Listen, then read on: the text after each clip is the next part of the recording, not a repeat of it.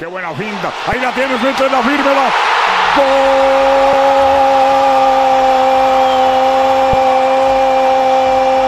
¡De México! ¡Gol! Mexicano, enorme jugada, tuya, mía, tenla, te la presto, llega Arteaga y la clava. Gol entendí, 5G, juguemos donde juguemos, somos locales, qué bonito, eso bonito. De goal van Kennedy! De goal van Kennedy! En die gaat erin.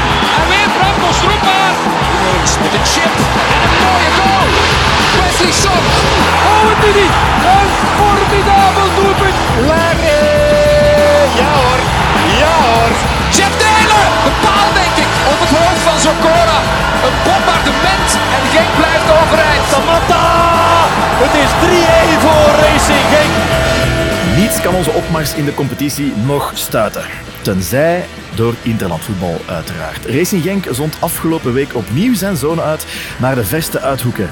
Zo werd Mark McKenzie beloond met een basisplaats bij de VS en zagen we met Mexico-Colombia een spectaculair treffen tussen Arteaga en Cuesta.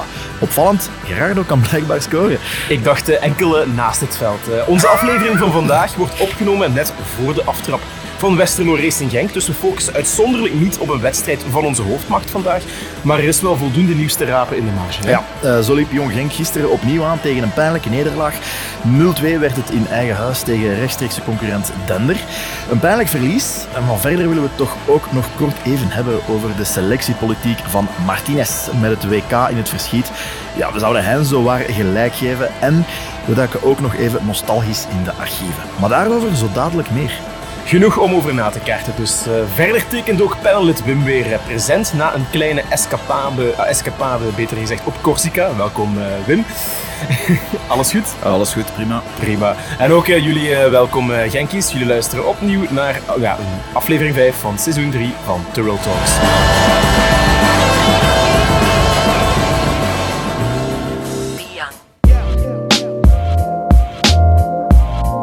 Wim, een bruin kleurtje rijker. Eh, hoe was het in Corsica?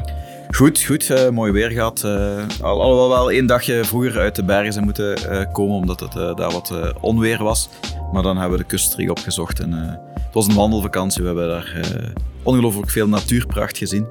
En eh, ik kon dan ook eh, de, de schaamteloze eh, vertoning tegen Nederland, die heb ik, van België-Nederland, die heb ik aan mij kunnen laten voorbijgaan. Niet gevolgd, Niet gevolgd. via HLN Live. Nee, nee, nee. Het ontvangst in Corsica was op die plaats niet, zo, niet zo bijster goed. Dus nee, absoluut. De ontvangst in België voor die wedstrijd was ook, was ook niet goed eigenlijk. Ben eigenlijk wel heel, heel content dat we deze podcast nog kunnen doen, want ook voor u zit er eh, een vakantie in het eh, verschiet, Tio. Dus we gaan eigenlijk ja, pas binnen twee of drie weken er opnieuw aan kunnen beginnen, denk ik. Ja, en dat is dan wel meteen met een centrale gast, waarvoor we nog alles moeten regelen. Maar kijk, ja, we, hebben nogal, eh, we zijn nogal eens een paar keer tot het gaatje gegaan. Dus dat zal nu ook wel terug lukken, denk ik. Maar ik ga nog niks vertellen van wie het kan worden. Dat nu niet. Dat is, eh, dat is eh, fantastisch eh, nieuws. Ja, heren, het is eventjes stil geweest rond, rond Racing Genk. En daar zat interland voetbal natuurlijk ergens voor, voor tussen. Maar natuurlijk, we zijn een Genkse podcast, dus we, zouden dat ook niet zijn zonder te focussen op, ja, op, op onze Genkse, Genkse spelers. Hebben jullie de wedstrijden van onder meer El Canoes, Arteaga, Cuesta gevolgd het voorbije week? En wat kunnen we daaruit leren? Ja, niet dat ik eh, de hele wedstrijden heb gekeken, maar we hebben wel natuurlijk eh, via, via samenvattingen en eh, krantartikels en dergelijke meer wel kunnen zien dat de Genkse spelers het eigenlijk wel behoorlijk eh, aan het doen zijn. Hè? Dan denk ik bijvoorbeeld aan een McKenzie, die eh, bij de Amerikaanse ploeg opeens terug in de basis komt, weliswaar door, door blessures. Maar hij, hij, hij grijpt zijn kans blijkbaar wel. Hij mocht eerder deze week invallen bij een 1-0 eh, stand tegen Japan. En eh, nu kreeg hij een basisplaats. Dus eh, dat geeft wel aan dat zijn, zowel zijn vorm bij Genk groeiende is, maar ook zijn status bij Amerika. Dus wat, eh, wat misschien wel voor hem doet verhopen dat hij, dat hij kans maakt op, eh, op een WK-selectie alsnog. Ik, het stond ook in de, in de, de krant, Co- Corriere dello Sport in, in Italië.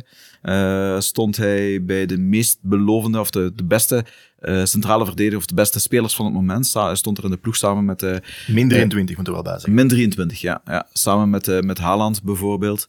Dus, eh, Geen slecht lijstje om... eh, geen slecht lijstje om op ons. Dus dat geeft wel aan dat, eh, dat, dat hij alvast eh, op de goede weg is. En zo waren er nog wel een aantal. Min 23, dat zou eigenlijk het schaduwelftal van KRC Genk moeten zijn. Because we only go for young guys. Dus, eh, Klinkt eventjes... Oké, Mark. Oké dan, inderdaad.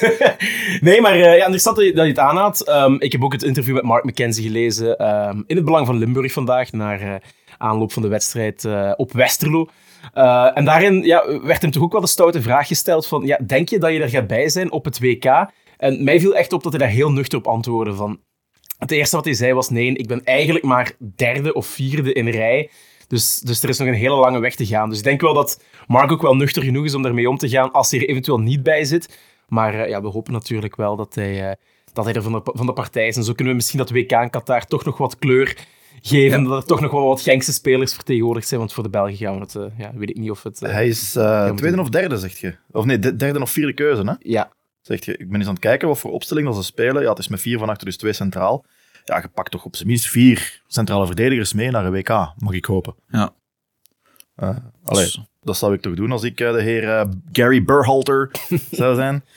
Eh, Ja, we gaan niet hopen op een blessure, maar eh, weet je, als hij zijn vorm, deze vorm kan blijven aanhouden wat hij heeft, ehm, en iemand anders eh, die wat, wat, wat in de rank- ranking wat voor hem gekropen was, wat minder is, dan is die kans toch wel niet, niet heel erg klein dat hij er toch wel bij is. Maar ook de andere gangspelers hebben het goed gedaan. Arteaga bijvoorbeeld had, heeft gescoord. Ja, ik heb het, eh, ik heb het, doel, het doelpunt gezien en inderdaad, het was, eh, het was echt heel mooi eh, afgewerkt. Ehm, ik weet niet wie, wie, wie de assist gaf, maar het was eigenlijk een soort van ja, een, curve-achtige voorzet langs de, langs de rand van de 16 eigenlijk. En die bal, die, ja, die paas, die dwarrelt eigenlijk de 16 binnen. Niemand raakt hem aan en als een duivel uit het doosje duikt Artiaga op voor zijn man en schiet hem dan heel mooi in de linker benedenhoek binnen met zijn rechtervoet. Dus eh, echt wel knap afgewerkt. Het, eh, we hebben dezelfde goal gezien. we hebben dezelfde goal gezien, knijpt naar binnen. Met zijn rechts schiet hij. Ja. En eh ja, belandt misschien... Ja, de bal wordt bewust door een eh, Mexicaanse speler tussen de benen doorgelaten. Ja, inderdaad, Komt- komt denk ik wel, Dat eh, wel. Ik denk dat het, eh, de assist komt eh, van, aan- aanvankelijk van denk de rechtsbak of rechtsbuiten van eh, Mexico. Die met, ik denk, links inderdaad zo'n soort van omgekeerde Ja. verkoutere bal, eh, maar een beetje robbenachtig naar binnen Ja, komt. en, maar dan komt de linksbuiten van Mexico, of een van de twee spitsen, ik weet niet welke opstelling dat ze speelden, naar binnen geknepen. Eh Arteaga is er wel aan het overlappen, die laat de bal Ja. en Arteaga komt alleen voor het doel. En ik denk dat hij zich opendraait en met links Ja. heel mooi in de Ja. linkerbovenhoek Ja, ja. krult. Het, was- Of- het was echt bijna onnatuurlijk hoe hij hem binnenschoot. Het was echt met, met, met, met zijn voet helemaal naar binnen Ja. gekanteld en dan eh heel als een raket. Dus eh, hij kan het toch wel, hè? Ja, Ja, en dan in het Aztekenstadion, jongens. dat is een asteken aan de wand, hè. Dat, eh, kon ik niet Ja, laten dat, liggen. eh, hij is echt gebeten om daar te spelen. Een echte Aztekenbeten. Oké, flauw. Die gaan we dus eh, al eruit moeten halen. Ook interessant aan die wedstrijd was echt wel een, ja, een, echt een wedstrijd op Zuid-Amerikaans niveau met heel wat drama, want Mexico komt eh, 2-0 voor. Verliest dan nog 2-3 met eh, Carlos Cuesta ook in de rangen. Dus eh, ook die mag zich eh, opmaken voor het WK. Is echt een certitude achterin. En toch ook nog wel altijd een beetje bevreemdend dat hij de voorkeur blijft krijgen. Daar centraal achterin. Wel, niet rechtstreeks concurrent met Lukumi. Maar toch, hè, een speler van Racing Genk, terwijl Lukumi toch ondertussen al getransfereerd is. Naar Bologna, toch wel een club met iets meer aanzien. Geeft toch ook wel wat aan de wand. Het is toch wel fijn om te vernemen dat, eh, Ja, ik denk dat... dat we toch vertegenwoordigd worden. Ik denk dat eh, Cuesta staat in eigen land echt wel aangeschreven als een van de, van, van de grotere talenten. Mhm.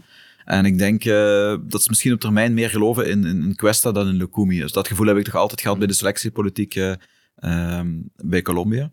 Dus ja, eh, hij, hij bewijst dit seizoen ook echt wel dat hij, dat hij meer... Weet, Lukumi is eh, de beenharde verdediger, maar Cuesta is, is ook degene die een verdediging echt kan leiden. Dat merken we dit jaar ook wel. Heeft echt stappen gezet op dat ja. vlak. Absoluut.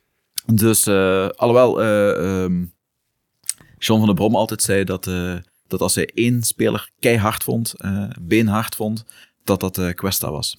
Dus eh, Ja, ik vind Lukumi is meer de, de man van de perfect getimede instapjes en tackles. En, en, en ik heb Lukumi nog niet vaak bijvoorbeeld een hele snedige Nee, sliding tackle zien doen. Die gaat zijn momenten heel goed kiezen en heeft ook iets, ja. blinkt uit in positiespel. Ja. Terwijl Cuesta eh, heeft het meer van zijn fysiek natuurlijk. Ja. Allee, als je bijvoorbeeld ziet tegen laatste thuiswedstrijd tegen Gent.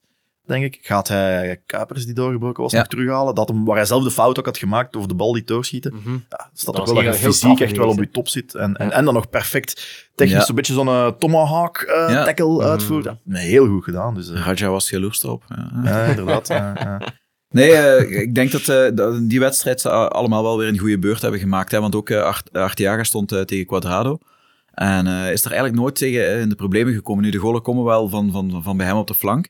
Eh, twee keer, denk ik. Maar eh, er was, in geen een van die fases was hem iets te verwijten. In tegens- En tegendeel, in de eerste helft eh, had Quadrado het eh, behoorlijk lastig met, eh met, eh, met Arteaga. Dus Ja. eh, Tekende want ook dat zijn vorm groeiende is. Eh, Ja, ook ik- de Arteaga eh, was, eh, zat, zat vorig jaar mentaal niet zo heel erg goed, eh, heb, ik, heb ik vernomen. Dus eh, ja, zo zie je dat, dat vertrouwen toch heel erg belangrijk is. Hè. Eh, intrinsiek eh, wisten we wel dat, Mhm. hij, dat hij het had, maar het kwam er helemaal niet uit vorig seizoen. ik vind Maar- het ook wel opmerkelijk dat het, dat het dekken langs de buitenkant, hè, de, de pre-minime Ja. fout, dat die er eigenlijk wel echt uit is beginnen gaan. Ja. Onder meer onder leiding van, eh, van Wouter Franke en zijn team. Dus het kan dus toch dat die jonge tactisch echt wel Ja, dat, is, dat, dat, dat, raakt. dat, is toch, echt- dat zijn ook zaken die echt coachbaar zijn. Ja, dat, dat vind ik ook. Ik, ik, ik kom er eigenlijk niet van over dat dat Nee. bleef gebeuren gewoon op den deur. Dus ehm, Ja, en voor de rest, ehm, ja, Pijnsel die, die eh, had blijkbaar bewust gekozen om bij Genk te blijven. Dat vond ik wel een verrassende keuze. mhm. Eh, en is zowel beloond met een nieuw contract natuurlijk. Ehm, en bij, Ga- deal. ja, bij Ghana is ook gezegd dat hij, niet, dat hij niet meteen de eerste keuze is om mee te gaan, maar dat de bondscoach hem wel blijft volgen. Vind ik op zich wel, wel een beetje vreemd eh, verhaal. Zeker gezien zijn vorm bij Genk. En ook eh, omdat hij op, het, eh, op de Afrika Cup vorig jaar was hij een van de, van de beste spelers van Ghana. Hij was een beetje... ja, was altijd de betere. het lichtpuntje eigenlijk bij- Ghana. Of, niet het lichtpunt, maar een van de lichtpuntjes. Dus in die optiek vind ik het wel. Nu, natuurlijk, er is wel wat concurrentie bij Ghana. Ehm, maar goed, ja, het zou wel jammer voor hem moest hij, vinden, moest hij het WK missen. Ehm, ja, wie Maar- vergeten we nog? Rosowski. El En die zijn ook allemaal aan de bak gekomen. Klopt. En bij El Canoes mogen we toch wel enigszins verbaasd zijn dat hij ook effectief minuten gemaakt heeft voor het eerste team. Ja, dat was, was ook wel heel verrassend. Hè. Eh, hij mocht normaal alleen maar met de, met de U21 meedoen. Eh, en opeens eh, kreeg je een berichtje van, van, van, van de bondscoach, de nieuwe bondscoach, de naam ontschiet mij, ehm, dat hij ook op training met, de, met, de, met het A-elftal mee mocht doen. En hij heeft zelfs een half uur speeltijd gekregen. Eh, en meer nog, eh, eh, na de, op het einde van de wedstrijd had hij dan al direct tegen, tegen Bilal gezegd dat hij een goede wedstrijd, een goede partij gespeeld had. En op de persconferentie haalde hij de loftrompet ook boven. Dus of er een WK-selectie in zit, dat denk ik niet. Het zal nog wat vroeg zijn voor Bilal. Maar ik denk wel dat het ah een hele mooie manier is om je debuut te maken. Bij. En hij voelde zich ook heel erg welkom bij, bij, bij de Marokkaanse nationale elf. Dus, Ja. Ik, ik neem aan, maar snap je zijn keuze voor de Marokkaanse nationale ploeg? eh, ik denk dat je Ik wel, maar het blijft wel een gevoelig topic. Hè. Fellaini die zei op het begin resoluut nee, ik ga voor de België. Werd dan ook uitgefloten door de Marokkaanse gemeenschap. El Canoes zegt consequent, ik kies voor Marokko. Ik denk ook wel dat er een verschil is tussen het Marokko van toen en het Marokko van nu. Ik denk dat Marokko nu wel een, wel een heel goede ploeg heeft. Dus ik denk dat dat een leuke ploeg is om bij terecht te komen. Eh, dat is een ploeg die, die omhoog aan het gaan is, terwijl wij met de Rode Duivels misschien, een klein beetje eh, omlaag aan het gaan zijn. Ehm, maar daarbuiten, ja, weet je, eh El Canoes zit nu op een leeftijd dat je heel erg op zoek zit naar identiteit. En eh, ja, kijk, en dat is, dat een keuze die iedereen voor, voor zijn eigen moet maken. En als hij zich goed voelt bij die, bij die keuze, en zal er met zijn familie wel over gesproken hebben, en er staat, naar wat we horen, een, een, een goede kop op, dan zal dat wel allemaal doordacht eh, gebeurd zijn. Eh, het enige wat ik daar jammer aan vind, eh, is dan als je het interview leest met, met hem in, in Belang van Limburg, dat er zo via via toch wel interesse getoond is door de, door de Belgische nationale ploeg, dat eh, Martin SM en Dubeke er ook graag bij had. Maar dan, ja, dan, dan kan ik niet anders dan ontgoocheld zijn. En dan, ik vind als je zo'n talent hebt als, eh, als El Canoes, wat toch een van de smaakmakers, een van de revelaties is van, van de seizoenstart eh, hier in België, en je doet als bondscoach niet echt, je haalt niet alles uit de kast om hem er toch bij te halen, Uh, dan vind ik dat heel erg jammer. Ja. Hij heeft dan misschien het verkeerde kleurtruitje aan. ja, dat, uh, dat, dat paarse truitje had hem misschien wel wat. Uh, het begon ook al te kittelen om het te vragen, inderdaad. Als hij een paars truitje aan had, dan had hij al waarschijnlijk Ga, gespeeld gaan tegen we nu Nederland. De, de oversteek maken, inderdaad, naar het. Ja, met alle respect voor Rostovski, die nog gelijk speelde met Slowakije. Maar daar valt weinig over te zeggen. Ja, hè. we gaan Dus, gewoon eh, doorfietsen naar het topic, inderdaad. De selectiepolitiek van Martinez. Er is veel over gezegd geweest, veel over te doen geweest. De resultaten staven dat er wel uh, wat uh, sceptisch over mag zijn. Ja, het Belang van Limburg uh, had een hele mooie grafiek. Ik denk dat er negen youngsters uit de Anderlecht Academie, negen youngsters ja, in recente jaren waren opgeroepen. En daar stond, er stond één speler van Racing Genk tegenover. Gedeeld met Eupen. We hadden van, Eupen van Kronbrugge. ja, van Inderdaad, dus we Kronbrugge, zetten het kantje met, met Eupen en dergelijke, met de pandas. Ja, of Leuk, toch? wat, wat, wat moet je daarachter zoeken? Allee, het is natuurlijk, als het een beetje minder begint te draaien, en face it, het is normaal dat het bij België een beetje minder begint te draaien, we gaan niet elk jaar voor die derde plaats kunnen gaan. Dat was echt hoogconjunctuur, dat je maar één, twee keer in onze leven zullen meemaken. Um, dus het is normaal dat we maar minder gaan spelen, maar het is ook normaal dat men dan gaat kijken van kan er iets beter? En de selectiepolitiek is natuurlijk het makkelijkste waarover je kunt Mhm. discussiëren bij een, bij een bondscoach. En als je dan ziet dat er op een bepaalde manier doorgeselecteerd wordt bij bepaalde clubs, waar men zegt van oké, je hebt tien matchen op hoogste niveau gespeeld, komt er maar bij. In de verdediging, waar men al extra kritisch kijkt naar van wat zit er aan te komen. Mhm. Dus ik heb het inderdaad over Zeno de Bast. En ik heb niks tegen Zeno de Bast. Ik vind dat hij inderdaad eerste klasse waardig is en op zijn leeftijd nog heel veel groeimarge op zit. Maar dat hij die ook al meteen al debuteren tegen Nederland, in plaats van uh, Arthur Theat bijvoorbeeld daar te zetten. Um, Wout Vaas. Wout Vaas Staat ook bijvoorbeeld. nog een, voilà. uh, normaal gezien een rang hoger. Ik vind ook dat die allebei een rang hoger staan. Uh, een van de twee komt ook van bij Anderlecht. Uh, Theat heeft nog een verleden in onze uh, jeugdacademie. Maar die doen het ook allebei minstens even goed als Zeno de Bast op een hoger niveau. Uh, en ik vind, combineer die twee in de driemansverdediging met een ervaren rot, een Toby Alderweireld of een Vertongen. Mijn voorkeur gaat uit naar Alderweireld, omwille van zijn, um, zijn voetballende kwaliteiten. Kan die lange crosspasses geven naar de flanken, wat, wat belangrijk kan zijn in de omschakeling.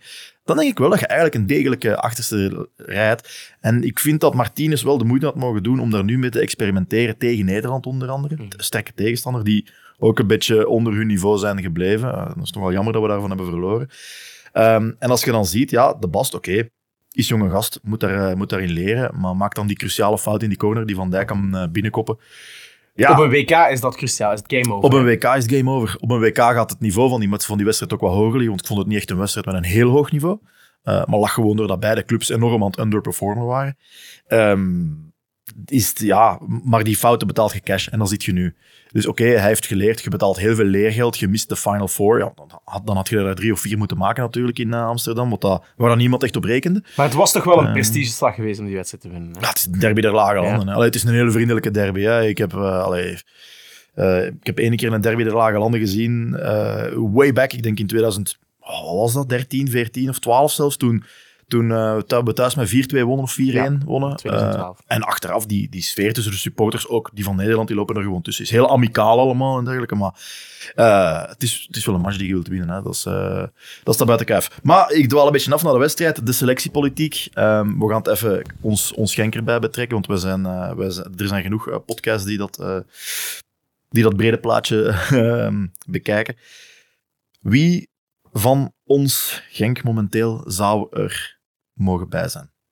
Mogen bij zijn geweest, liever, bij de vorige twee wedstrijden? Ik denk, laten we de, de vraag anders formuleren. Ik vind nog altijd het is aan de spelers om zich te bewijzen, ook op training bij de Rode Duivels. En om uh, in de minuten die ze mogen maken, het verschil te maken. Maar ik denk op basis van uh, de performance in de eerste helft van het seizoen, vind ik wel dat je Mike Tresor en Brian Heijnen wel een signaal geeft van oké okay, jongens, je bewijst jezelf in de Jupiler Pro League. De statistieken zijn heel goed. Hè? Zowel van Tresor als, als van Heine. Heine scoort nu ook, duikt op. Uh, we gaan jou belonen. Uh, niet alleen met een voorselectie. Maar je mag eens 10 minuten aantreden tegen, hè, tegen een... Je mag eens 10 minuten invallen. En dat kan gewoon dienen als, als waardemeter. Maar hij geeft die jongens totaal niet het gevoel dat, dat ze erbij horen. En ineens, en ik denk dat we in, dat we in die fase gaan belanden, na het WK, hè, dus die, die, die ploeg gaat nog meer stof vergaren, uh, gaat nog meer uh, scheuren gaan vertonen. En ineens moet je je gaan beroepen op, uh, op nieuwe jongens. Is het vat af? Zijn spelers 37 jaar? Het is gedaan. En ineens staat er niemand, of staan er geen spelers die al minuten hebben mogen maken. En als je dan, ja, inderdaad, met alle respect, Zino de Bast gaat oproepen, terwijl je eigenlijk op die positie zowel Theaat als Vaas op dit moment, die ook jong zijn, hoger aangeschreven staan, vind ik niet dat je daar ook in die zone al, uh, al, al moet gaan zoeken. En ik vind dat je ja, echt eens wel mag gaan kijken, ook in het aanvallende compartiment, van hey, wie zijn, uh, wie zijn hier de uitschieters? En uh, dus vind ik het gewoon zeer jammer uh, dat ja, Mike Tresor en Brian Heijnen niet gekregen hebben wat ze verdiend hadden.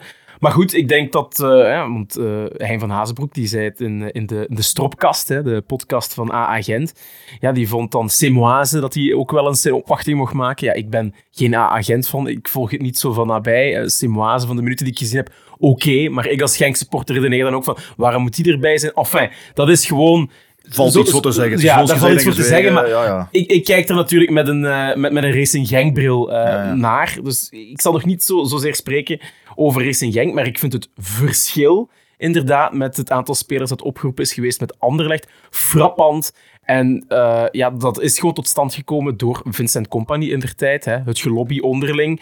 Um, Vince de Prince, die als, als, als trainer aan zijn carrière in Anderlecht begon, met jongeren wilde werken, natuurlijk de marktwaarde van die spelers moet stijgen, et cetera, et cetera. Uh, dus het is een beetje dat verhaal geweest. En dit zijn nu nog de uitlopers daarvan. Compagnie is nu al weg.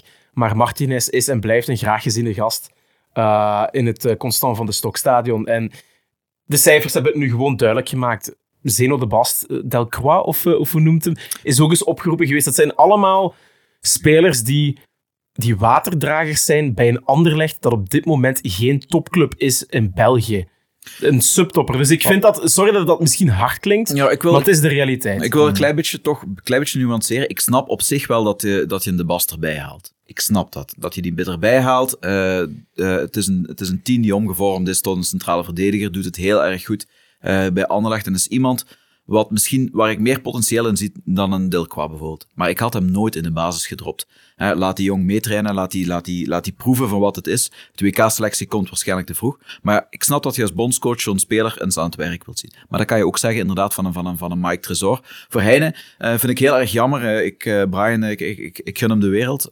maar ik denk dat op, op middenveld, centraal middenveld, de plaatjes bij België te duur zijn. Voor Brian, ik denk dat hij dat zelf ook wel beseft.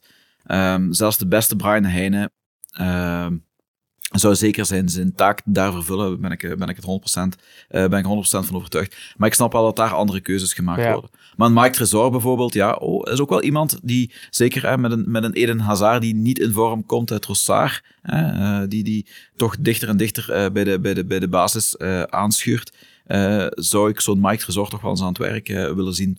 Uh, van, van wat als er op die kant nog iets gebeurt, dan kan je daar nog wel iets gebruiken. Maar de vraag is natuurlijk altijd, wie laat je ervoor thuis? Ik heb even gezocht naar de, naar de squadlist. Bijvoorbeeld in de verdediging kunnen, kan ik wel op wat namen komen, maar in de aanval... Je hebt, voor in de as heb je de ketelaren, um, Batshuayi, Openda. Alhoewel Openda misschien ook op de flank kan. En dan heb je op de flanken heb je Hazard, Luke Bacchio, Mertes en Trossard. Van die vier gaat je één iemand moeten thuis laten. Zou je de piste Tresor willen bewandelen? Ik, ik zou hem ook nog niet meteen meenemen naar nee. Qatar. Maar, maar, hij is wel jonger en ja. je moet zo iemand klaarstomen voor ja. het volgende grote toernooi. En dat doe je door hem nu al vertrouwen te geven en uh, hem minuten te laten maken. Maar iets zegt me ook gewoon hm. dat, het, uh, dat het na het WK gedaan is met Martinez, dat er een nieuwe cyclus ja, begint. En dat Martinez volgens mij dat ook wel weet. En daarom zich ook niet meer gaat bezondigen aan, aan dat soort keuzes, denk ik. Klopt, klopt. Dus hij, hij, hij, blijft tappen uit een vaatje dat voor hem bekend is. Ja. Terwijl inderdaad, Luke Bacchio, zit hij nog bij Hertha? Ja, die doet het wel goed. Hè. Die, is, ja, uh, die, die, is goed gestart uh, ja. uh, aan het seizoen. Ehm, want er was heel even... Ik, ik, weet het omdat aan de start van het seizoen werd zijn naam genoemd in Genk als, als een van de mogelijke ja, vervangers. Um, niet maar dat bleek wel wat hoog. Allee, ik denk niet dat dat ooit echt een, een enorm nee, was, maar, maar. De speler zelf uh, stond er op dat moment uh, wel voor open, blijkbaar. Uh, voor, voor terug naar België te komen, voor wat speelgerechtigheid. Mm -hmm. Uh, voor wat speelminuten te maken uh, met het oog op het WK. Uh, zich wat terug in de kijker te spelen, maar oké, okay, hij kan zich niet doorzetten. Um, hij had ook al wat assists, denk ik. Zelfs al een ja. goal gescoord. Dus ik denk dat hij, dat, hij, dat, hij, dat hij wel goed bezig is. Dat is ook een heel leuke speler. Absoluut. Um, dus ik snap wel dat hij, dat hij erbij zit op dit moment. Dan hebben we misschien het verhaal van een, een Dries Mertens. Die kunnen we misschien wel thuis laten. Is nu naar Galatasaray. Die zou ik thuis laten. heeft zo, die zou ik, ik, vind- ik, thuis vind het, hè. ik vind het echt verschrikkelijk wat hij nog op de mat brengt. Het is echt erg om te zeggen. Ja. Eh, Hij heeft ook nog niets laten zien bij Galatasaray die naamwaardig. En eh, ja, dat de is minuten dus- die hij maakt bij de Rode Duivels, met alle respect, maar dat is super anoniem. Hè. Ja, dat is het dat is, Chadli, eh, dat is het Chadli-verhaal. hè. ja. Dat is eh, de lo- loyaliteit van, eh, van, van eh, Martinez die Ja. daar speelt. En die zegt van, kijk, die jongens hebben er zoveel voor mij heeft gedaan. zijn verdiensten gehad, En, maar eh, eh, en ik, ik pak die nu nog mee. Daar valt natuurlijk ook wel wat voor te zeggen, ook naar groepsdynamiek toe en zo.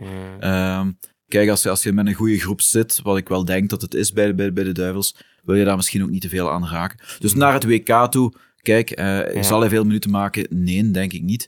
Ehm, ah, dat hoop ik dan Ja. misschien ook niet. Eh, dan, dan kan ik zo'n keuzes, zijn zo'n keuzes misschien wel terecht rechtvaardigen. Maar ik zeg het opnieuw, ik zeg, ik had graag toch wel wat eh, nieuwe jongens erbij gehad. Ja, om, zeker, om- om inderdaad. van, omdat in het aanvallende bouwen. compartiment, hè, met die viriele, kwikke voetballers die oud worden, die verliezen sneller van hun, hun pluimen dan inderdaad zo'n vertongen Alderwereld. Dat zijn harde, beukige verdedigers. Ja, die hebben iets langere houdbaarheidsdatum. Ja. Ook al zijn ze ook niet meer top, maar bij zo'n Dries Mertens, eens de snelheid weg is, is er al heel vergeet wat... niet, eh, we zitten met een vrij oude ploeg. We Ja. komen tegen, tegen eh, eigenlijk heel kwieke, viriele ploegen. ja. Eh, Marokko, maar ook, ja, ook Canada, hè, daar wordt zo wat lach, lacherig over gedaan. Maar die, Eh, nee. die, hebben, die hebben een heel snelle, heel snelle pijlsnelle aanval, eh aanvalslinie. dus eh, ehm, Dat is niet gelijk Panama in 2018. Nee, nee, is-. Panama, is- dat, was, dat was ene ket of zo, dat wel tegen, best een bal kon. Ziyech en co. Ja. Eh, dat is dan Marokko, Ziyech en dergelijke. Ja. El Canous eh, misschien als die wordt opgeroepen. Ja. Canada, dat is dan Jonathan David. En de eh, befaamde Ike Ugbo. Ike, eh, Ike Ugbo. Buchanan. nee, niet Buchanan. Buchanan ook, ja. Jawel, Buchanan. eh daar die hebben belachelijk veel snelheid. Dus we gaan echt ons tenen mogen En uitkijken dan om heb die groepsfase te altijd, eh, overleven. Kroatië En zit er ook bij. Eventjes verliezend finalist op het, eh, op het vorige Ja, voilà. Die ook ehm, een generatieswitch hebben, maar die Ja. hebben wel... Allee, dat is echt een fabriek. Eh, Kroatië, ik snap niet hoe dat die dat doen. Ja. En je hebt nog altijd Modric. Kleiner Sorry, als je land. Modric in je rangen hebt. Ja. Kleiner land dan België, maar toch het, het talent. Als je gaat kijken bij Dynamo Zagreb, bij Hajduk Split, daar, het, het blijft daar gewoon komen. Hè. Dat is niet te geloven. Hè. Ik herinner mij ook gewoon een, een periode, zo echt eh, medio jaren 2000, dat we Racing Genk altijd gewoon geen scouten in Kroatië en spelers vandaar ging halen. Terecht. Wij, wij slaagden er dan altijd wel in om de meest anonieme spelers eh, daar Ja, te gaan halen. Maar toen konden wij wel nog gaan scouten bij Dynamo Ja. Zagreb. Tegenwoordig, vergeet het, hè. dat is Ja, ja, gedaan. dat is wel- dat is- Je kunt dat dat is niet, dat, dat is de eh, Real Madrid gaat daar direct. Is, dus die, ja, daar, daar zijn we ook al tussenuit gevallen. Maar... Gesproken over eh, talentvolle jongeren die ontbolsteren, gaan we het misschien toch ook eens heel eventjes hebben over onze jongsters Ja. van Racing Genk. Jong Genk hebben gisteren eh, gespeeld tegen toch wel een rechtstreekse concurrent. eh, ja, ik wil nog niet zeggen in de degradatiestijd, maar toch wel in de onderste regionen van het klassement tegen Dender. Eh, en er werd toch wel redelijk verrassend verloren met 0-2. Dat eh, is toch wel een binnenkomer. Ja, die gaat wel aangekomen zijn, denk ik. Eh, zeker ook omdat ehm, eh, de verdediging eigenlijk versterkt. Hè. Ik laat er toch vanuit gaan, versterkt. eh, met Sadik die, terug, eh, die terugkeert uit blessure en de Waas. Dus je krijgt er toch iets meer... Want wat ik een klein beetje miste in, eh, in, in, in, de, in de vorige wedstrijden van Genk was een beetje die, die verbetenheid centraal van achter. Eh, Die jongens hebben dat prima gedaan trouwens, wat daar gespeeld hebben. Maar we kregen veel goals tegen op stilstaande fases. En dan denk je, met Sadik en de eh, gaat er dat wel uitgehaald zijn. Eh, nu, ik heb de wedstrijd niet gezien. Ik had, eh, ik had, eh, ik had helaas andere verplichtingen gisteren, maar ik heb eh, dan wel de, de commentaren gelezen. Ehm, ja, en dan, dan, dan, hoor je, dan hoor je en dan lees je dat er weinig bezieling in zit. Uh, Toch, ook- ja, toch ook wel raar dat de Waast ineens eh, op dat veld staat, niet? Of bekijk ik dat verkeerd? Het verhaal de Waas is speciaal. Hè. Die zit nu nog onder contract. Wat hij ook doet, die zit onder contract. Dus ik denk dat, eh, dat men hem misschien gaat zeggen van kijk, het zit zo. eh, we kunnen er ook niet aan doen dat je er nog zit tot in de, tot in de wintermercato. eh, minstens. Wees een professional, onderhoud de conditie. Op die manier kun je wat matchritme gebruiken. Ik vond nu niet dat Daan Dirks en Mathis Dieder daar echt aan getornd moest worden. Maar ja, je zit daar met die gasten. Sadik moet ook ritme op doen. Dat ze dat misschien eens een keer proberen. Ja, maar is het echt Eh, van pro- ik wel. proberen? Of, ik, ik- volgens mij gaat er toch heel wat interne communicatie uh, Tuurlijk, oh ja, ze aan de gaan basis dus echt Dus er van- moet toch ja. echt wel gesproken zijn met de intentie van oké, er is echt wel een reden waarom die ineens starten. Ja. Ja, ik denk dat we wel, dat we wel gaan hebben gezegd van kijk, ik zal wel zien dat ik weg ben, maar ik wil wel wat matchritme opdoen. Dan zeggen ze oké, je kunt om de, om de twee weken kun je een keer meespelen met Jong Genk waarschijnlijk. Dat zal zoiets Ja. zijn geweest. Maar ja, dat is natuurlijk ook de vraag van hoe straalt dat af op uw groep? Ehm, uw, uw, uw doelman, hoe is de communicatie met die twee? Die, als die dat gewend is om met, eh, om met Daan en Mathies te communiceren, ineens met De Waast en, en Sadik. eh, het zijn toch allemaal de details die eraan meewerken. Ja, je verliest 0-2 van ja, toch uh, ook een van de zwakkere ploegen, zou je zeggen, als je van de stand afgaat in, uh, in, in, tweede klasse. Thuis dan nog. Ik denk dat dit inderdaad wel een match is waar van velen hadden verwacht van oké, okay, nu gaan we toch terug aanknopen met de zegen. Ligt dat dan aan die twee man van achter? Nee, ja, ook Niet rechtstreeks misschien. Maar te weinig efficiëntie voorin uh, dat vooral, hoorde, hoorde ik ook. Dat is ook hetgene wat ik gezien heb de voorbije wedstrijden. Die waren scoort zijn goaltjes wel, uh, maar ik vind er wordt niet echt, uh, wordt niet echt gewogen op, op de aanval van de, van de tegenstander. ja, natuurlijk, Niemet is doorgeschoven, dat, dat scheelt zich wel een slok op de borrel. Ehm, maar daarvoor is Victory... Benyangba. Benyangba erbij gekomen die liet uh, gisteren nog, uh, nog geen onuitwisbare uh, indruk. Nu is er pas, dus ja. die jongen krijgt zeker nog alle respect. Dus laten we hopen dat, dat, dat er daardoor wat, wat verandering komt. Ja, want alleen gezegd het zelf, Nemet is doorgeschoven aan alle mensen die denken dat Jong Genk dit jaar even vlotjes top, top 3, top 4 ging spelen in tweede klas. nee, hè. Allee, als we als je die, die ploegen van vorig jaar naast elkaar legt, uh, echt wel kwaliteit. heel uw aanval is weg. Ja. Hè? El Canoes is weg, Oyen is weg, Abit is geblesseerd, Nemet is weg. Ja. Um, dat, nu, is wel, dat, is, dat is niet niks. Hè. Uh, nu de vraag is, uh, hoe erg... Met alle respect voor de jongens die aan het doorkomen zijn, heb ik het over vooral de Mika Gods, waar iedereen uh, water aan het kijken is. Maar die staat gewoon nog niet zo ver. Gaat er zeker wel komen, daar twijfelt niemand aan. hetzelfde met een, een Diawara. Is ook een iets andere spits dan Nemet. En dan op rechts zitten we met John, die dan een terugval heeft dit jaar. Heeft het echt moeilijk met dat niveau. Um, dus ja, dat, dat, is eigenlijk wel een van de redenen waarom dat we het gewoon wat minder doen. En dat is ook doodnormaal, want je hebt andere jongens die wel verder gaan. Je hebt een Tobe die op Molenbeek een wereldpartij keept. Je hebt Turomes die uh, met ups en downs wel aan het groeien is. Die eigenlijk misschien, als je één iemand moet aanduiden voor ja, de, de gelijkmaker op Molenbeek, was daar met die hele fase met die corner afvallende bal. Hij wil die wegwerken, lukt niet helemaal. En dan staat hij daar helemaal uit positie. En, en zo is het gebeurd. Doet hij natuurlijk niet mee opzet, maar dat zijn ook leermomenten voor hem. Uh, voor de rest, ja, Camille van de Perre is echt op niveau. JD, mm, ben ik nog wat. Uh, nog vis, nog vlees. Is echt een patroon, heeft die goede pas. Maar ik heb soms de indruk dat het net iets te veel tijd nog kost in tweede, in tweede klas. Dus ik hoop dat hij ook wel aan die snelheid kan werken. Want als hij dat kan doen, is hij echt wel een heerser op dat middenveld. Zo belangrijk. Dus. Heer, laten we ook eens eventjes uh, denken in termen van oplossingen. Want het begint toch wel een beetje moneytime te worden. Voor aanvang van het seizoen zeiden we, laat die jongens maar gewoon leuk ballen, ervaring opdoen. Maar nu staan we daar wel op die, uh, op die laatste plaats. En degradatie naar amateur zou toch wel een heel klein uh, dramaatje, drama zijn. Toch wel een redelijk groot drama als jij Dimitri de Condé bent en jij moet ook mee een, um, een plan uitdenken tijdens de winterstop om uh, Hans Somers zo goed mogelijk te faciliteren, wat ga je doen? Hoe ga je dat aanpakken? Ik zou... Iets meer ervaring, zoals Anderlecht het doet, of toch nog proberen nog meer jonge talenten binnen te rijven en uh, het op die manier te klaren? Ik zou uh, beoordelen ten eerste tijdens het WK. Dus ik zou zeggen, doe voort gelijk je nu bezig bent. Tot eind november is het geloof ik dan. Ja. Doe zo voort. Um, en dan gewoon beoordelen, waar staan we dan? Voor hetzelfde geld halen we nog eens vier punten en dan oef, is het weer even wat kalmer. We mogen inderdaad niet degraderen. En ik denk ook, we zullen niet degraderen. Daar heb ik alle vertrouwen in. Uh, en dan denk ik dat inderdaad aan de Condé is om een juiste mix te zoeken. Ervaring, gezegd, ja, maar is de ervaring die je zoekt, is dat een De Waast die eigenlijk totaal niet meer met zijn hoofd bij KRC zit, denk ik. Ofwel heeft hij mhm. zich herpakt en heeft hij gezegd, ik kan er het beste van maken. Dat kan even goed, dat weten wij niet. Um, je hebt een Sadiq die dan terugkomt uit blessure, die gaat dat ook niet eeuwig zijn. Maar we moeten ook eens kijken naar, naar zijn er jongeren die momenteel in de A-kern zitten, die iets te weinig spelen, die toch weer wat vaker mogen spelen in, uh, in 1B. En dan denk ik in de eerste plaats aan Nemet. Uh, want Samatta en Onuwachu beginnen zich meer te manifesteren. Dat gaat ten koste van minuten voor Nemet kunnen we hem niet weer wat inpassen. Um, vergeet ook niet dat uh, zowel Abit als uh, Luca terugkomen in het voorjaar. Uh, ik verwacht vooral van Abit nog dat hij wel wat matchen kan meespelen. Wanneer het er gaat toe doen in, um, in tweede klasse.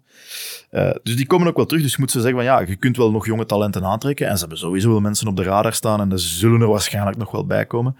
Um, maar het is natuurlijk wel, ja, op een bepaald punt moet het narratief van laat ze maar bijleren en dit is een les, moet het naar de andere kant toe hellen van oké, okay, nu gaan we mhm. toch wel punten moeten pakken, zodat we ook in tweede klasse blijven, zodat dit wel een duurzaam groeiverhaal blijft en dat het niet bij maar één jaartje... Schuilt daarin ook niet een beetje het gevaar?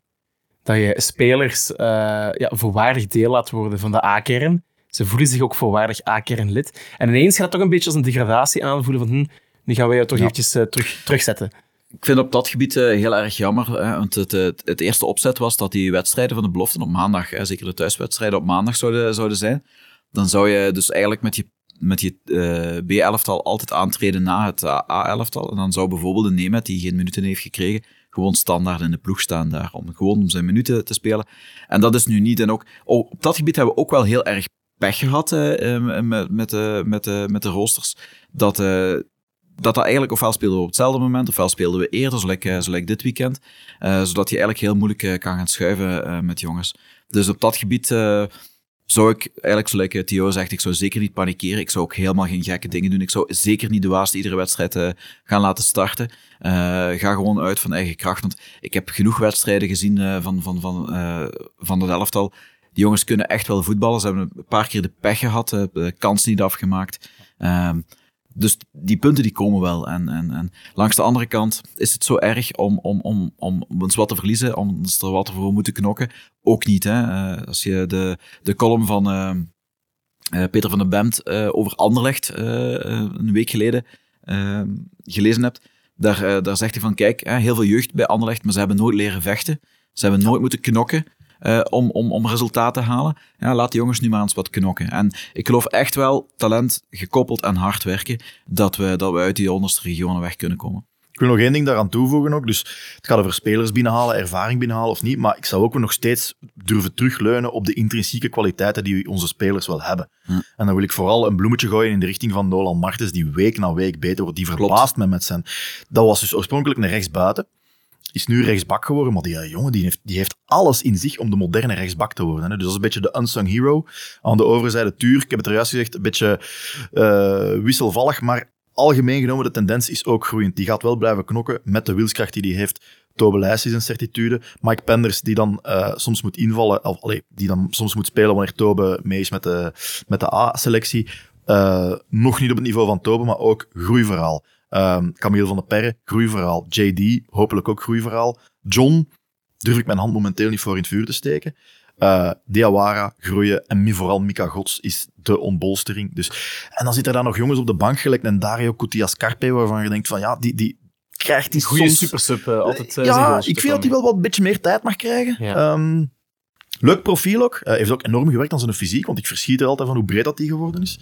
Ehm, en zo heb je nog jongens op de, op de bank daar zitten. Arabachi, of Arabaki moet ik zeggen. Ja. Ehm, dat zijn allemaal namen waar je rekening mee kunt houden van ja, die, hoe die jongens nu zijn eind, eind september, of ja, begin oktober, het is 1 oktober vandaag, zo gaan ze eind november niet zijn. Die gaan allemaal gegroeid zijn, die gaan allemaal beter zijn geworden. En zij groeien nu eenmaal sneller, dankzij de goede omkadering, dan een, met alle respect, eh, FC Dender, dan een, een, eh, een, een Deinze die het met mindere trainers en met minder accommodatie moeten doen.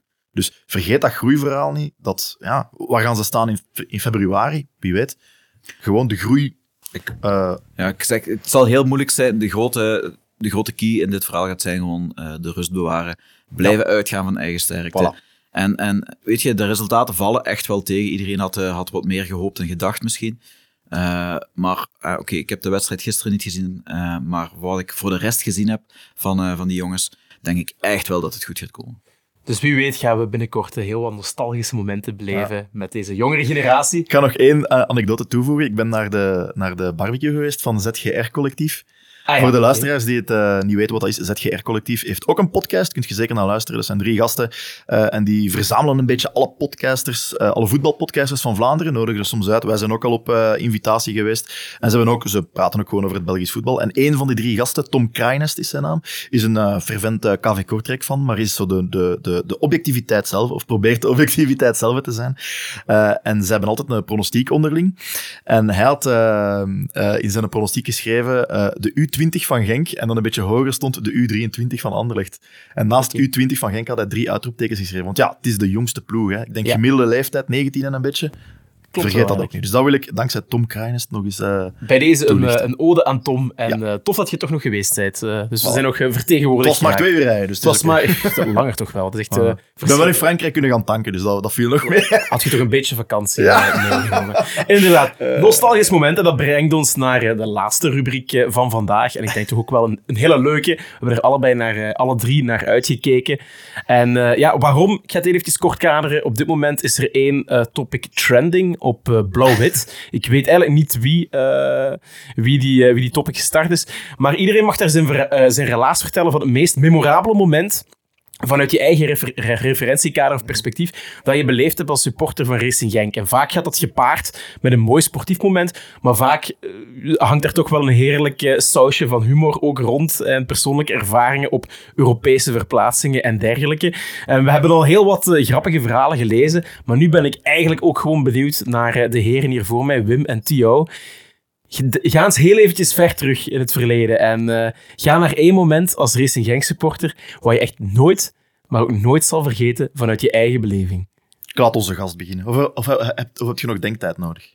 Eh, nee, nee, nee. Ik wil, ik wil gerust wel beginnen. Ik had het op forum eh, eh, ook wel gezet, maar ik denk eh, dat niet iedereen daarmee leest, dus ik ga die hier ook wel even delen.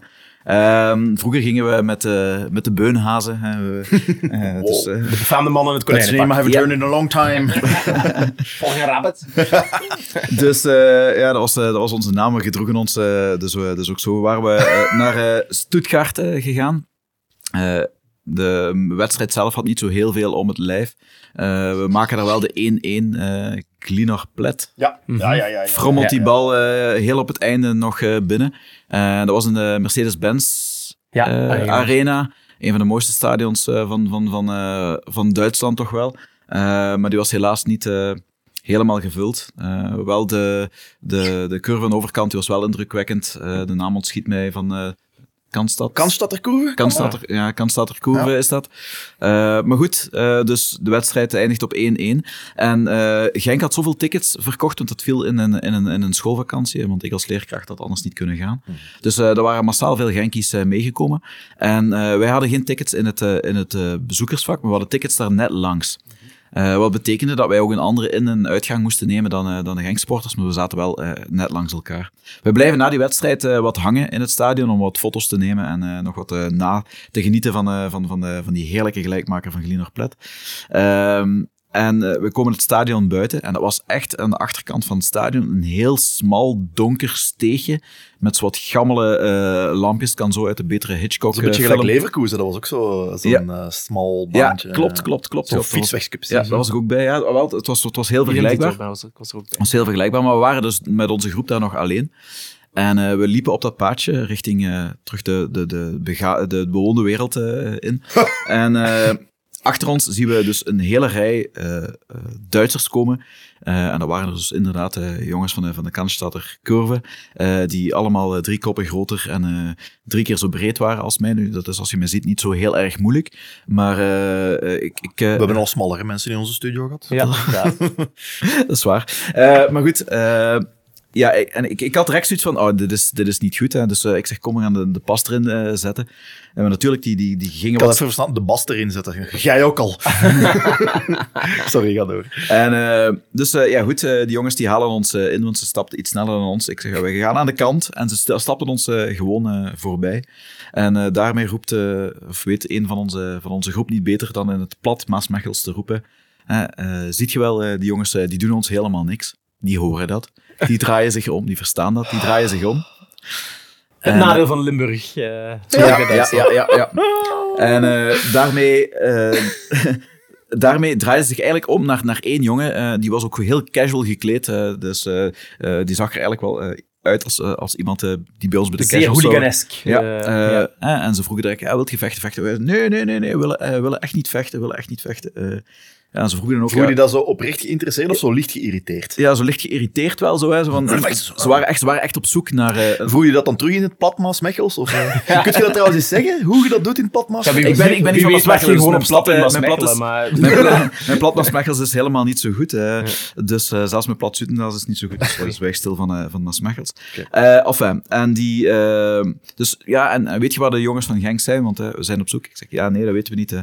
En ik flap daaruit Entschuldigung. Hè, met dat ze zich omdraaien. En daarmee draait die eh, laatste kerel, misschien de grootste van die kerels ook wel, die draait zich om, die komt voor mij staan, die komt neus aan neus tegen mij staan en die zegt, du darfst niemals Entschuldigung sagen. Ik beeld u al in, het zweet druppelt over je hoofd. Uw plastieke beker. en ik, ja, ik, eh, ik, eh, ik zeg het... Een natte onderbroekrijker. ja, Jesus, jong. Dus Ah, ja. eh, eh, ik, ik wist niet wat... En daarmee draait hij zich terug om. En daarmee lag het weer terug op het puntje van mijn tong om te zeggen, Entschuldigung, maar... met, dat ik het wil, met dat ik het wil zeggen, slik ik dat weer terug in, eh, diep inwendig, waar dat mijn testikels ook zaten op dat moment. Ehm, maar ze hebben ons voor de rest wel met, met rust gelaten. Ja, dat was, het, was wel, het was wel een heel grappig trip. en toen, werd het, eh, toen gingen jullie daarna allemaal dartel de, het centrum van Stuttgart in, waar Ik ben- ik ben niks nooit- te beleven Ik ben was. nooit zo blij geweest. Of, ja, daar hebben we thans ook nog wel iets moois. Misschien nog heel kort. Zeg wij. Heel ja. kort. We waren eh, inderdaad heel Stuttgart was niks te beleven. Oh, Iedereen heeft zich. eh, Ik ben, er ook wel, ik ben ook nog in een technoclubje beland, uiteindelijk wel, eh, in het midden van de nacht. Maar daarvoor eh, hebben wij pinten liggen drinken in een pannenkoekenhuis, omdat er voor de rest eh, een café of iets in een café voor hem bestond niet in die stad. d- daar zijn we dus, ook Dus, geweest. eh, En we hadden iets later inderdaad ook een café gevonden. Was niemand eh, binnen. Eh, Er konden we wel wat, eh, wat pinten hijsen, dat was wel in orde. En op een gegeven moment, eh, eh, dat cliënteel kwam binnen en dat was alleen maar mannelijk. En dat werd alleen maar mannelijker. En, en we dachten, van, ja, hier zijn we precies toch niet echt op ons plaats. Dus eh, het, was, het was dus inderdaad voor de mannenliefde. En daar, daarvoor waren we niet gekomen naar Stuttgart. Dus we denken van, ja, kijk, eh, hier moeten we niet zijn. Oké, probleem, we gaan naar huis. Maar een van onze kameraden, die had inderdaad al redelijk wat, wat, wat Duits bier naar binnen gegaan. En die zei, nee, en ik ga niet naar huis en ik blijf hier. En we zeiden, oké, goed, als jij hier wil blijven, dan mocht jij hier blijven. En eh, wij vertrokken en het begon toen ook heel hard te sneeuwen en eh, we moesten te voet een stukje verder. Opeens kregen we telefoon van diezelfde kameraad en die was volledig in paniek. Eh, wat bleek, die eh, kreeg opeens heel veel aandacht van, eh, van, eh, van, van de Duitse eh, mannen daar. Die zeiden van de ja, zo- heren. ja, zo'n zo'n zo'n zo'n Belgische... eh, eh, Een Belgisch snoepje. een Belgische snoet, een, een Belgische... Een Belgische eh. Een Belgische braadworst, eh, dat, eh, dat, willen, we dat willen ook wel eens hebben. Ja. En eh, ja, hij was, eh, was naar het wc gegaan en eh, hij had daar voor allerlei tafereelen gezien wat hij niet wou zien. Hij is in één paniek naar buiten eh, geschoten, de telefoon gepakt, blijkbaar achtervolgd door een deel van die Duitsers. Opnieuw, opnieuw achtervolgd, voor de tweede keer al in Stuttgart. eh. Dus, eh, ja, ja, ja, ja. Entschuldigung. Ik ga zijn naam, ik ga zijn naam niet eh, noemen, maar eh, Stijn, als je luistert. Oh. Geniaal. Fantastisch verhaal. En eh, zo zie je maar, eh, je wordt door ja, iedere bevolkingsgroep in Stuttgart wel achterna gelopen daar. Dus eh, dat is de conclusie. Theo, eh, ja, nu ben ik heel benieuwd naar eh, jouw verhaal. Ik ga het moeilijk kunnen. Allee, Het heeft, mijn verhaal heeft niks met achtervolgen en dergelijke te maken. Dat, we moeten teruggaan naar het laatste kampioenenjaar. Dus we zijn... ik weet niet meer of dat het eind 2018 of begin 2019 was. Maar dat was een periode dat ik heel vaak in weinig gezelschap naar wedstrijden kon gaan kijken. Ehm, omdat, ja, Lau, jij woonde in, in Malta.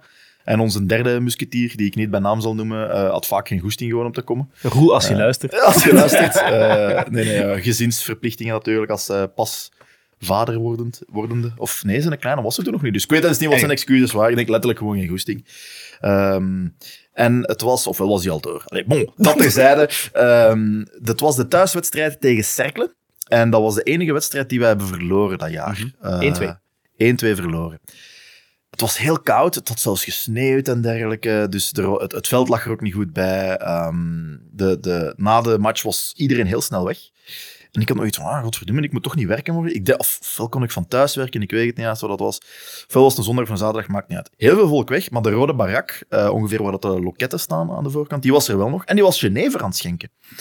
Dus ik ga naar die rode barak. En ik heb er nog even gestaan met iemand van, eh, van ons andere, iets groter groepje, eh, die, de boys die nu ook eh, vooraan in vak S staan op de hoek. Ik weet niet meer wie dat juist was, dus als je luistert, sorry. Ehm, maar ook daar, na, na een paar Genevers, na een uur, ging die persoon ook door en stond ik daar alleen met wat andere mensen, waar je dan wel mee aan de praat was geraakt. We stonden daar uiteindelijk echt met tussen de vijf en de tien, echt niet veel. Eh, en iedereen gaf zomaar rondjes aan, wild vreemden, dat was heel gezellig. En ook die man van, van de rode brak was zelf rondjes aan het geven. Ehm, dan is er dan nog bijna gevochten geweest met de greenkeepers. Ehm, die, eh, die met die groeilampen, eh, niet gloeilampen, maar groeilampen van het veld naar binnen rolden. Hè, zo op die ijzeren staketsels met die wielen onder. En de ene duwde iets te fel onder een andere en dan zo... En ik weet dat ik ook nog uit mijn krammen ben geschoten en heb gezegd wij betalen uw loon! Wat waarschijnlijk maar deels klopt. Dus sorry aan de greenkeepers, jullie doen fantastisch werk. Ja. Eh, eh, ik weet zelfs niet welke van de greenkeepers, greenkeepers het was, maar uiteindelijk kon niemand door. Dus allee, de gemoederen waren al verhit en dan ah, nog meer Geneverkappen om dat te vergeten. Dus allee, heel, veel, eh, heel veel mist op de baan, om het met de woorden van Anteunis te zeggen. En ehm, ik weet nog, ik stond aan die toog en ik draai mij gewoon richting Zuid, dus richting de corner Zuid. En ik zie daar iemand om de hoek komen en ik, en ik leun zo op de toog met mijn Geneverke en ik, en ik blijf zo kijken. En er is zo, het gesprek stopt zo'n beetje en ik zo... "Ja, ja, maar je moet kijken, die lijkt een beetje op eh Branko die daar om de hoek komt. En dan zo, oh ja, ja, die lijkt er een beetje op. En we drinken nog onze Genever verder. En die persoon komt dichter en dichter, alleen. En zo wacht, maar dat is Branko Stroepaar. en dan ineens ah ja, die heeft de aftrap gegeven vandaag. Want zo vaak ontgaat het u een beetje als je Ja, beneden in tribune Zuid staat. Van, ah ja, er is een aftrap. Oei, die heeft de aftrap. Hey. Dus Ja. los vergeten en die komt dichter. En dan uiteindelijk hadden we het toch in ons om te zeggen, hey Branko, hey, kom hier, kom hier. En die had vrij weinig overtuigen nodig om bij ons aan de toog te komen staan. Ja. Heeft twee rondjes Genever eh, gekocht, voor hemzelf ook. Eh, dus, en dan denk ik nog dat iemand ook eh, een rondje heeft gegeven. Uiteindelijk heeft hij daar drie, vier Genevers met ons staan drinken. Geniaal. En het was echt precies van, wow, dit is gewoon terug 1999, is gewoon terug. Inderdaad. Eh, ik heb- deed hij toen ook gewoon na de wedstrijden. Hè? Ja, en, en eh, ik heb niet veel met hem kunnen babbelen, want ik, dacht van, kan die mens gerust laten, heeft wel genoeg te doen, maar eh, hadden we toen in een podcast gehad, dan had ik gezegd van, moet een keer langskomen bij ons. En dat was voor mij eigenlijk wel het leukste moment, dat, dat we toch, dat, dat, dat toch, ja, ik was, ik was zo'n corifee van vroeger, dat, die, dat je dan gewoon... Ja, van dichtbij, dat is al een iets oudere man geworden. Hè? Dat is zo, Ja, dat hij zou zo- niet meer mogen invallen, denk ik. hij zou niet meer mogen invallen. En toch, ja, daar Geneverkes mee staan drinken. Na dan uiteraard de enige verloren match. Op zo'n zo'n druilerige, natte, koude avond waar dat iedereen weg is van het stadion. Ik denk zo dat de huisbewaarder al gaan slapen was. Eh, en dus de reden waarom hij van de hoek kwam, van Zuid, is dat hij een meet and greet had eh, gedaan in de fanshop, waar ik ook niks van wist. Maar je er verwachten dat daar volk bij loopt Ja, of zo, of, of, of iemand die hem begeleidt. Niks.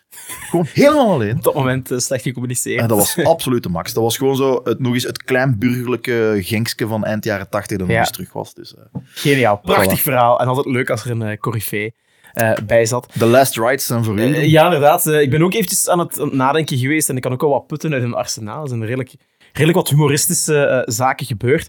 Maar als ik dan toch één verhaal moet vertellen, dan, eh, ja, dan ga ik toch graag terug naar... ehm, ik denk het, het, eh, het, het, het najaar van 2011. We maken de verplaatsing naar Chelsea. Hè. We hadden net de Champions League voetbal afgedwongen.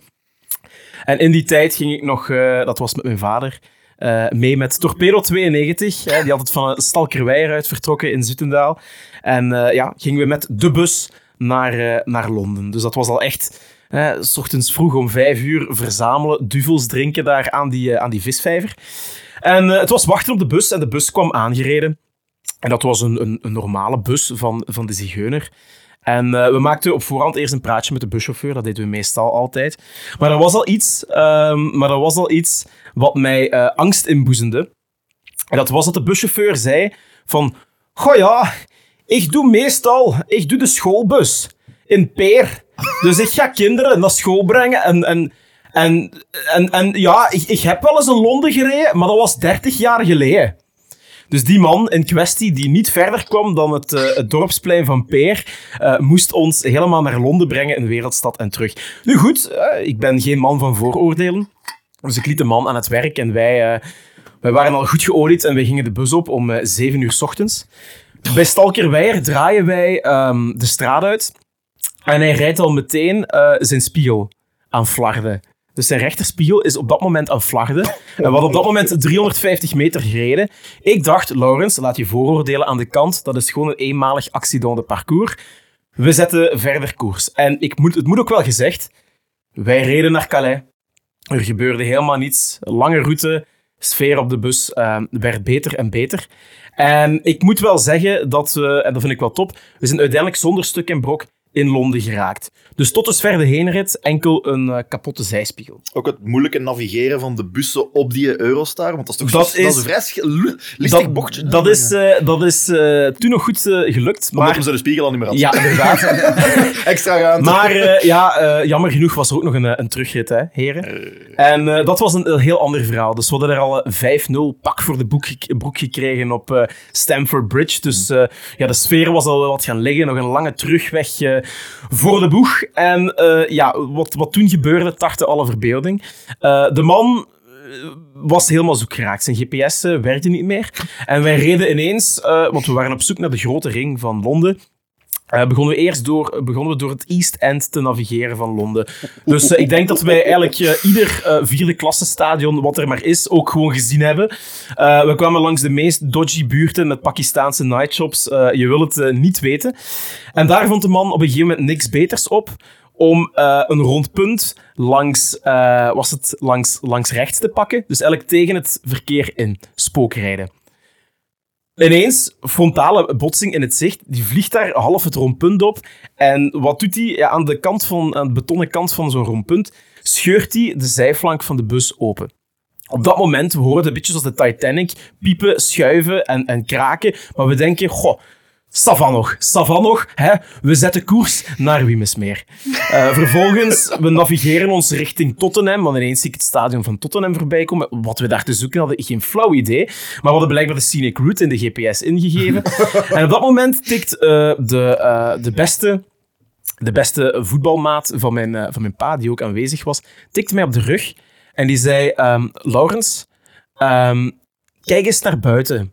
Goed naar buiten. En ik kijk naar buiten, want op dat moment waren we door een eh, winkelstraat aan het rijden met allemaal van die glazen vitrines. En ik zeg zo van, ja, ik, ik zie winkels. En hij fluisterde in mijn oor, als je goed kijkt, kunt je je eigen koffer zien. En ik kijk goed en ik zie een hele grote scheur. Ik zie dat de zijflank van die koffer helemaal open, eh, van, van, van de bus open ligt. En ik zie letterlijk gewoon mijn eigen koffer open en bloot. open en bloot eh, in die bus zitten. Dan denk je, oh god, nu nog helemaal tot Wimesmeer. Komen wij aan hè, bij, eh, bij Dover, hè, de, de overzet van de Eurostar. Dus je moet je bus inderdaad in zo'n grote wagon eh, parkeren eh, om dan de oversteek te maken. Wat was er nu gebeurd? Uiteraard, die zijflank was helemaal opengereten. Die klep van die bus, die stond eigenlijk 90 graden. Dus die bus was eigenlijk ineens veel te breed geworden om die bocht te maken, om die bus eigenlijk op, in zo'n in zo'n wagon te krijgen. Dus de buschauffeur van Peer stapt uit, krabt zich achter de oren. Hoi, hoi, hoi, hoi, hoi. Hoe gaan we het dan oplossen? Ik zeg van, ja, het wordt moeilijk om hier nu eh, om je draai te vinden en erop te geraken. Hè. We gaan niet door kunnen. Maar je kon dat luik niet meer toeduwen? toeduwen Nee, nee, dat lukte niet meer. Dat was echt verwrongen. Dat, dat metaal was gebogen. Hij zei, wacht, ik heb nog wel een oplossing. En als de man met de, de, man met de ideeën komt altijd uit Peer natuurlijk. hij komt terug, hij pakt een hamer en hij begint letterlijk dat luik dat 90 graden staat gewoon naar beneden te slaan. Gewoon om de, om de bus terug kaarsrecht te krijgen, dunner te krijgen. Maar natuurlijk raakt hij zo een hydraulisch pompje. en ineens, die slaat daarop. En dus... En die bus die zakt letterlijk gewoon... De, de hele, het hele corpus, het hele gestel van die bus zakt gewoon tot letterlijk straathoogte. Lowrider. Lowrider. Maar wel met als positief gevolg dat, dat we wel in de wagon pasten. Dus uiteindelijk met heel wat piepen en draaien, zo skuk, skuk, raken wij daarin geparkeerd. En, ehm, en echt met nog, ja, met nog heel veel vijven en zessen en met, ja, we hebben daar eh, drie dubbel zo lang over gedaan. Dan zijn wij al piepend en krakend Stalkerweijer binnengereden. Hè, met dan die eh, kapotte zijspiegel, met dan die gescheurde flank. Met dan het hydraulische pompje die om zeep was. En toen sprak de buschauffeur de gevleugelde woorden... Hopelijk mag ik volgende week wel nog de kinderen naar school brengen. Tot dusver de legendarische trip naar, eh, naar Chelsea. Holy heerlijk. Ja, ik denk als je zo door, die, door, die, door Noord-Londen rijdt met je koffers open en bloot daarin. Het- het is, dat was echt uitverkoop, maar eh, Ja, ja, ja. ik, ik had ze gelukkig nog, maar het is me wel bijgebleven als meest memorabel transport- en roadtrip die ik in mijn Oh, leven eh, heb gedaan. Holy fucking. Dus eh, Stevige verhalen. stevige verhalen. Dus eh, Ja, dat is... eh, we zijn gechargeerd geweest in Stuttgart, we hebben Genevers gedronken met Branko Stoepar. En we hebben met een buschauffeur uit Peer een legendarische roadtrip naar Londen gedaan. Voilà, ik zou zeggen, als er fans zijn die hun verhaal willen delen, doe dat op- in de comments op Facebook of Instagram. Laat het gerust weten aan de wereld. Of join the discussion op blauwwit.be. Dat, dat kan ook nog altijd. En, En klik op een paar ads. Ja, inderdaad. Ja, absoluut. Goed. Eh, dan, Ik zou eh, zeggen, eerst en vooral Wim, eh, nogmaals bedankt om, eh, om hier te zijn. Hè. Dus uh, volgende, over twee weken weer van de partij. Vier weken zeker, is altijd. Ik, uh, als, als jullie me vragen, dan, uh, dan kom ik. Dat klonk, waarom klonk het heel verkeerd? ja, ja, zeker na het vorige verhaal ja. dat je gebracht hebt, Wim. Um, ja, ja okay, ik, uh, ik, stel me geen vragen meer. Uh, in ieder geval, luisteraars, uh, jullie ook bedankt om te luisteren. Steunen kan nog altijd door een, ons een koffietje aan te schaffen via buymeacoffee.com slash trill. Um, ja, Theo, ik weet niet of jij nog een, een mooi afsluitend woordje hebt voor de luisteraars. Nee, ik ga nu echt een week chillen in Portugal en dan daarna gaan we aan de slag voor onze volgende gast of gasten. Inderdaad, kunnen er één of twee zijn.